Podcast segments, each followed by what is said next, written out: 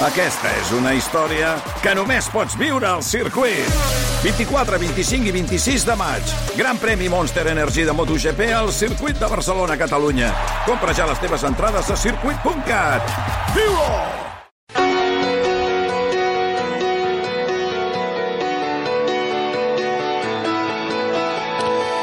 Doctor Robert Belvis, bon dia, bona hora. Bon dia, Jordi. Vostè que és neuròleg, que és el coordinador del Servei de Neurologia de l'Hospital Universitari de la Quiron eh, de Xeus. A més, el, el doctor Belvis ha publicat un llibre que es diu Migranya. Un llibre d'angle editorial que es diu Migranya, que és un dels problemes que tenim les vacances es poden convertir en un gran enemic de, de la migranya, i és que els canvis d'hàbits col·laboren en, en l'aparició d'aquest mal que afecta, i això és el que a vegades ens espanta, 12 de cada 100 persones. Ja no estem parlant només de mal de caps, que sí, sinó de migranya. Uh, D'entrada, una pregunta, doctor. És hereditària la migranya? Hi ha una predisposició familiar a patir-la, efectivament. És molt freqüent que un malalt migranyós en tingui també altres antecedents a la família. I per què hem sentit tantes vegades que la migranya costa tant de, de, de cura? Es pot arribar a evitar d'alguna manera? Com a malaltia, és una malaltia recurrent a la vida, per tant, eh, curació no en té. Aniràs patint episodis de migranya en funció de que t'exposis als factors que a tu te la precipiten. Amb l'edat es cura, vull dir, no hi ha cap malalt migranya que arribi als 80 o als 70 anys patint migranyes. A partir dels 60 comença a desaparèixer. Què és exactament la migranya? És una malaltia a la qual eh, certes persones, un 12-15% de la població aproximadament, tenen una predisposició a patir un quadre molt concret davant d'estímuls que són molt mundans, com pot ser la regla, com pot ser l'insomni, l'estrès, estímuls que tenim tots, i amb aquestes persones el que pateixen és un atac de mal de cap, de cefalea, però amb més coses. Per tant, eh, cefalea és un dels símptomes de la migranya, però la migranya és una malaltia. Hi ha nàusees, vòmits, hi ha el que es diu fotofòbia, que és que es torba molt la llum, i a més a més alguns malalts, un de cada tres aproximadament, poden tindre el que es diu un aura, que és que abans de que comenci el mal de cap, queden totalment enlluernats, en llumetes, en pampallugues, i, i no veuen, no? Tinc la sensació que quan érem partit, petits sempre parlàvem de mal de cap, mal de cap, mal de cap, mal de cap, i de cop i volta algú va començar a dir migranya. Sí. O sigui, fa poc que s'està investigant la migranya com a tal, diferenciada del mal de cap. Eh, fa poc, eh, realment, bueno, aquí a Catalunya, per exemple, en tenim eh, grans especialistes en cefalees des de fa molts anys, però a nivell internacional fa poc que s'està entenent com una malaltia, s'està començant a respectar. L'Organització Mundial de la Salut diu que és la vuitena malaltia més discapacitant de la raça humana. Vull dir que ja a poc a poc la gent s'ho comença a prendre en sèrie, sobretot els metges. Costa de diagnosticar? Eh, no hi ha una prova confirmatòria, és una d'aquestes malalties que es diagnostica amb sis criteris clínics, com pot ser, per exemple, pues, no sé, pues, la fibromiàlgia. Vull dir, si compleixes això, això, això i això durant l'atac de migranya, doncs tens migranya. I quins són aquests criteris? Doncs tindrà un mal de cap en un costat del cap, no en tot el cap, unes vegades és a l'esquerra, altres pot ser a la dreta. El mal de cap és pulsàtil, un batec cardíac, bom, bom, bom, bom, nàusees gairebé sempre, vòmits de vegades, i aquesta fotofòbia i el mal de cap augmenta amb esforços normals, vull dir, pujar unes escales o, o caminar, no? Aleshores, com dic, és una malaltia que pot ser molt discapacitant si tens moltes, molts episodis en una setmana, en un mes, pots arribar a estar molt discapacitat. Anem al butlletí de notícies d'aquí un moment, perquè falten 3 minuts per arribar a les 11 del matí. Um, han arribat, quan ha entrat el, el doctor a l'estudi, li dic, miri, tot això són correus electrònics que han anat arribant des que hem anunciat que avui parlaríem de migranya. Les consultes que tingueu, 902 47700, al món arroba rac1.net. Les vacances ens poden provocar més migranya? Efectivament, i aquí... Ara que venim de parlar de, de, de, d'hàbits de canvis horaris i Sí. tot això ens afecta. Pues sí, connectem amb el tema anterior. No és l'estiu, com molta gent pensa, sinó que és l'inici de les vacances. El canvi d'hàbits, el canvi de les hores dels àpats, el canvi dels horaris de la son, per exemple, el canvi sobtat de l'estrès, d'estar treballant a correcuita, estressat, a de cop i volta eh, estar relaxat, tot això pot empitjorar la migranya en els primers dies de les vacances, habitualment, fins que t'adaptes al nou ritme. Ara parlava de, de factors meteorològics, del canvi de temps també, de l'estrès. La son? Sí, eh, la son, eh, vull dir, el migranyós no és que aquestes coses li provoquin migranya, si és, sinó que és l'anarquia en aquestes coses. Eh, l'anarquia en els horaris dels àpats o l'anarquia en l'horari de la son. Vull dir, tant el dormir poc com el dormir massa pot provocar un atac de migranya. S'ha de dormir sempre el mateix i a les mateixes hores. Alimentació? El mateix, vull dir, si tu estàs acostumat a prendre sempre tres cafès, els cafès no provoquen migranya, però el dia que prenguis un pots tindre un atac de migranya i el dia que prenguis cinc també. Has de prendre sempre la mateixa rutina alimentària, sobretot en aquests. I l'alcohol? El, el cafè, l'alcohol, els més excitants, diguem-ne. I el tabac? Veus, aquí hi ha força investigacions, però encara no s'ha demostrat. Mira que sempre hem de dir els metges que, que no, Ah, no fumi la gent. un doctor em diria per, per No, home. fumeu molt per, per atacar la migranya. No, com a metge t'he de dir que no fumis, però per la migranya no tinc, eh, no tinc evidències per dir-te que no fumis. I el tema de l'esport? L'esport és un És factor... una bona teràpia? Sí, és un factor realment protector contra la migranya. L'esport aeròbic, regular i suau, vull dir, sense, sense acabar amb la llengua fora, diguem-ne, no? Una pregunta que es fa molta gent, segurament. Eh, quan tinc migranya he d'anar a urgències? M'he d'esperar? La, pri la primera vegada que hi ha una cefalea aguda, un mal de cap agut, si és realment greu, s'ha d'anar a urgències. Si no és greu, pots anar al metge de família i explicar-li. Eh, el primer atac de migranya habitualment es té en les dones al voltant de la regla, sobre els 13 anys. En els nanos, en els homes comença a una edat potser més enllà, cap als 18, i la migranya gairebé sempre debuta abans d'entrar en el mercat laboral. Abans dels 25 anys gairebé tots els migranyosos ja han debutat. És difícil fer una migranya als 40 per primera vegada. Davant de la primera, sobretot si hi ha aquests símptomes visuals d'aura, s'ha d'anar a un metge ràpid. Hi ha moltes consultes, ja ho han dit, dels oients. Uh, correu electrònic, el món arroba recuponent. La meva filla Maria té 11 anys i fa dos anys que pateix de migranya amb aura. El seu procés comença amb adormiment d'una cama, braç, i la parla i li costa de coordinar. Aquest procés li dura una mitja hora i amb vòmit i molt mal de cap. Um, què pot fer? Diu uh, aquesta senyora, l'Antònia Calva. El primer és el que ja haurà fet, que és anar, en aquest cas, no al neuròleg, sinó al neuropediatre. Hi ha neuropediatres a Catalunya especialitzats en cefalees també, igual que neuròlegs. Aleshores, si ja està diagnosticada, es recomana sempre fer una prova d'imatge. En aquest cas, com que és una obra complexa, potser una ressonància cerebral millor que un escàner. I una vegada s'ha descartat que no hi hagi cap altra cosa, que és el més probable, aleshores eh, s'engega un tractament pels atacs de migranya. Eh, si hi ha molts atacs de migranya, es fa un tractament diari per previndre'ls. Si hi ha pocs atacs de migranya, es tracta només l'atac de migranya en nanos amb un antiinflamatori. A partir dels 12 anys ja es poden donar les medicacions d'adult, algunes, que són els triptans, que són molt ràpids, fins i tot hi ha pastilles sublinguals, no cal ni empassar-les. Ara que parla de medicaments, uh, no, és una altra. La Montse de l'Hospitalet de Llobregat diu tinc moltes migranyes i prenc Zolmitripan Flash Qualigen 2,5 mil·ligrams. No sé si ho he dit sí. bé. És veritat que no puc prendre més de dues pastilles a la setmana. Hi ha setmanes que amb dues no faig. No, no és veritat, això és... Aquesta és una d'aquestes pastilles que t'estava esmentant, que són sublinguals, Per són això. les, les número 1 en vendes arreu del planeta. Eh, hi ha dos mm, principis, el zolmitriptan i el rizatriptan. Aleshores, l'has de prendre ja a l'inici de l'atac de la migranya i si no se t'han passat eh, o bé encara és forta, a les dues hores pots prendre una segona, ja ho poso al prospecte, i sí que és molt important, la tercera no es pot prendre en 24 hores. No recomanem més de 10 pastilles al mes.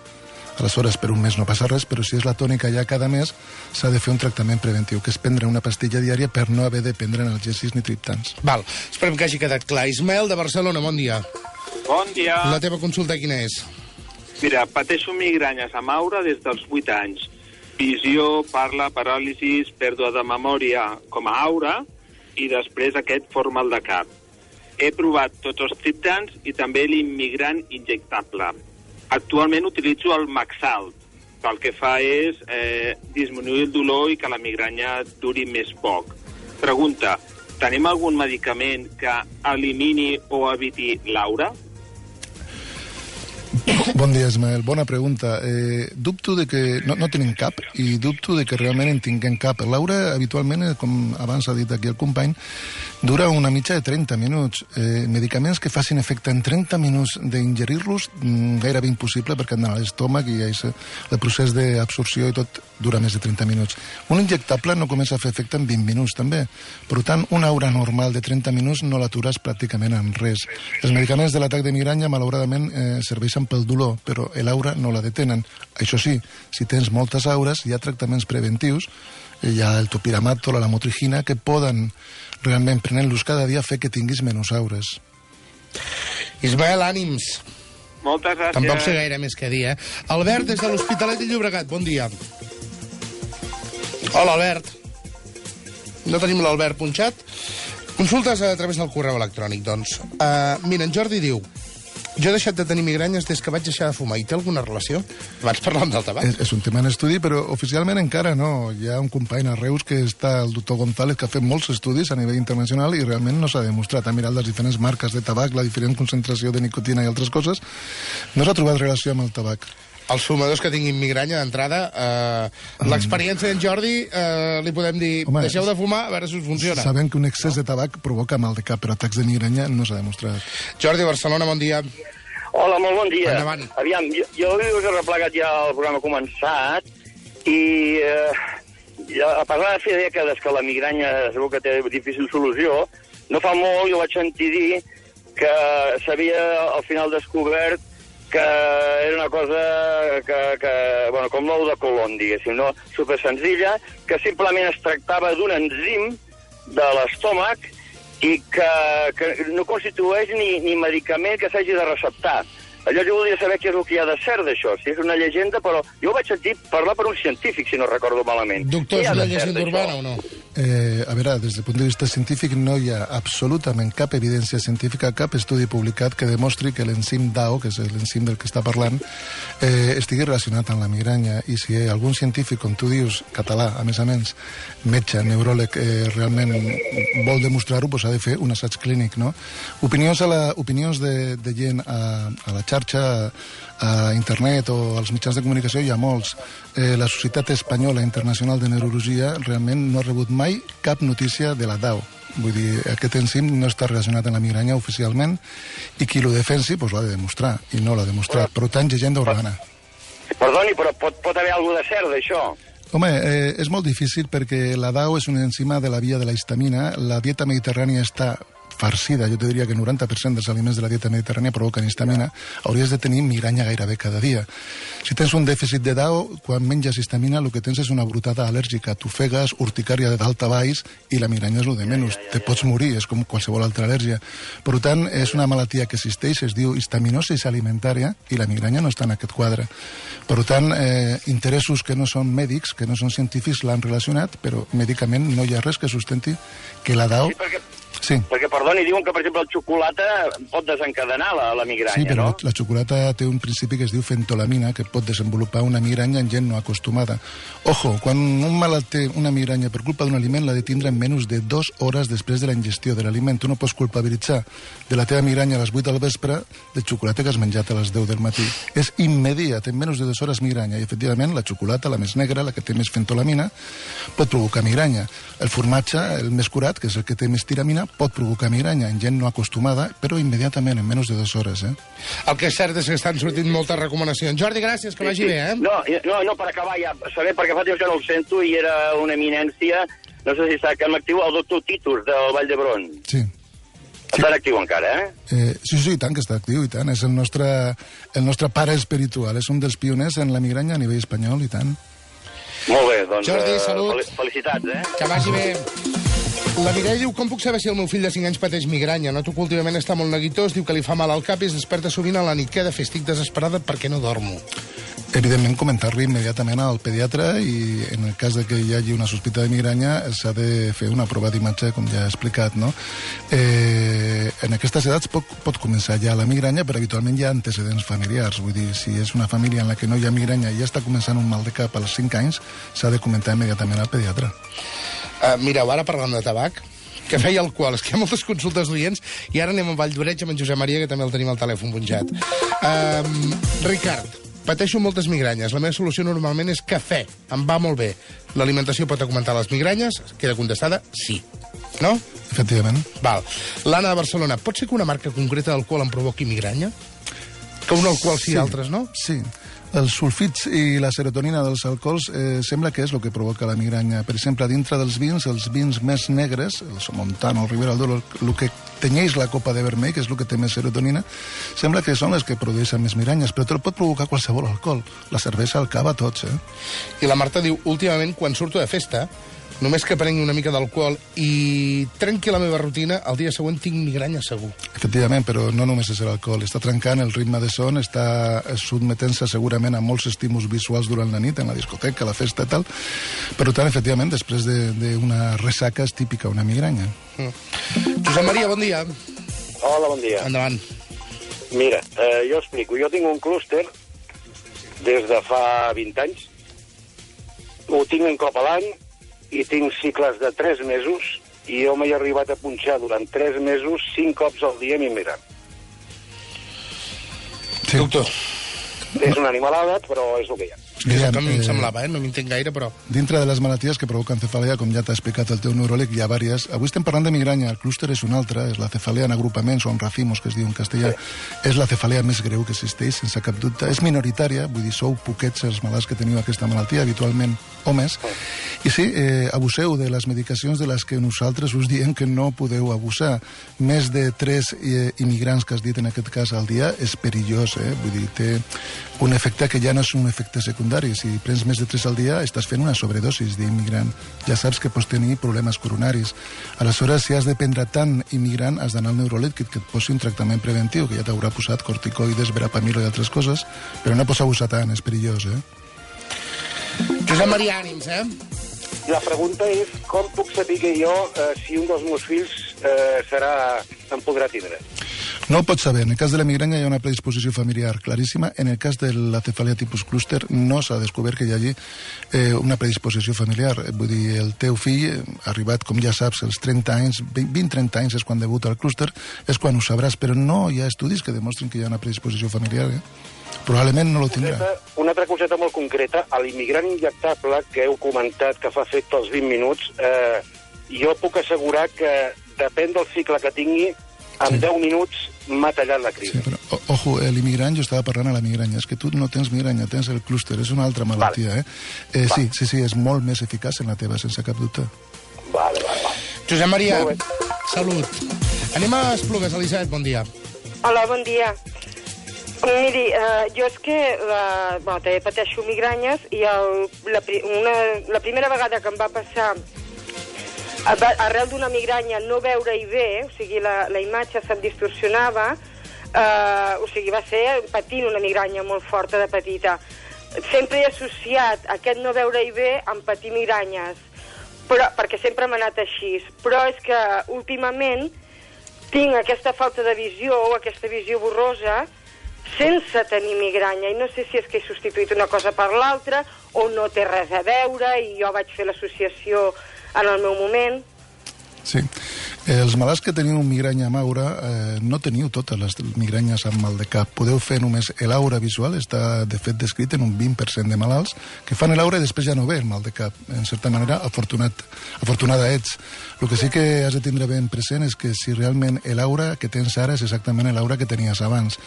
En el teu cas, millor comentar-li sempre al neuròleg un canvi de patró en la migranya s'ha de comentar sempre. A mi eh, no em diu, no m'aixeca cap, cap sentiment d'alarma el que m'expliques, però comenta-li al teu neuròleg. És un canvi de patró, per tant, és per Vale. comentar-lo. Vale, doncs moltíssimes gràcies, eh? Que vagi bé, adeu-siau, Elisabet. Uh, M'ha sorprès una, una pregunta que arriba per correu electrònic de la Mercè. Diu, li podeu preguntar al doctor sobre la malaltia de Crostet-Jacob? Bueno, el primer, no espantar la gent, la migranya i el Creutzfeldt-Jacob no tenen res a No, veure. no, això, això òbviament... Vull dir, és una altra sí, és un malaltia. tema neurològic. La malaltia de Creutzfeldt-Jacob tots l'associem a la malaltia de les vaques boges, Sí. que durant tants anys en vam parlar, però d'això en fa pràcticament una dècada. Sí, eh, tant Creutzfeldt com Jacob ja existien abans de la malaltia de les vaques boges, però eh, en aquella època, al final dels 90, va haver-hi aquella brutada relacionada amb la car adulterada, probablement. Bueno, la malaltia de Creutzfeldt-Jacob, eh, la que veiem a Catalunya i a Espanya, és la malaltia degenerativa de causa genètica, que es diu esporàdica, no té re- res a veure amb l'alimentació de cap mena de bitxo, ni vaques, ni, val, val. ni ovelles, ni res, no?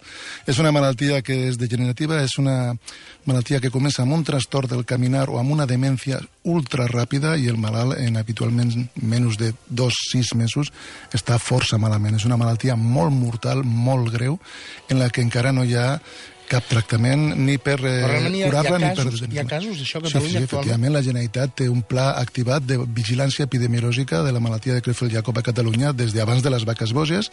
Lo porta un doctor, de, està a la Vall d'Hebron, el doctor Carles Nos, i ell té les dades que de, de vegades ens les va presentant. Hi ha més de 300 casos diagnosticats d'aquesta malaltia a Catalunya, però des, del, abans del, des dels principis dels 90. És una malaltia amb una prevalença molt baixa. Eh, potser és un de cada 300.000 habitants, per dir una xifra. Ell té les xifres. Com te dic, anem veient casos al nostre hospital. Hem tingut dos casos, un aquest any, l'altre ja fa temps, i tots els hospitals catalans van veient casos, però són casos molt, molt infreqüents i no tenen res a veure amb les vaques, amb allò que va passar. Eh? De tot n'aprenem. Uh, gràcies, doctor Balbís. A vosaltres. Gràcies i fins aviat.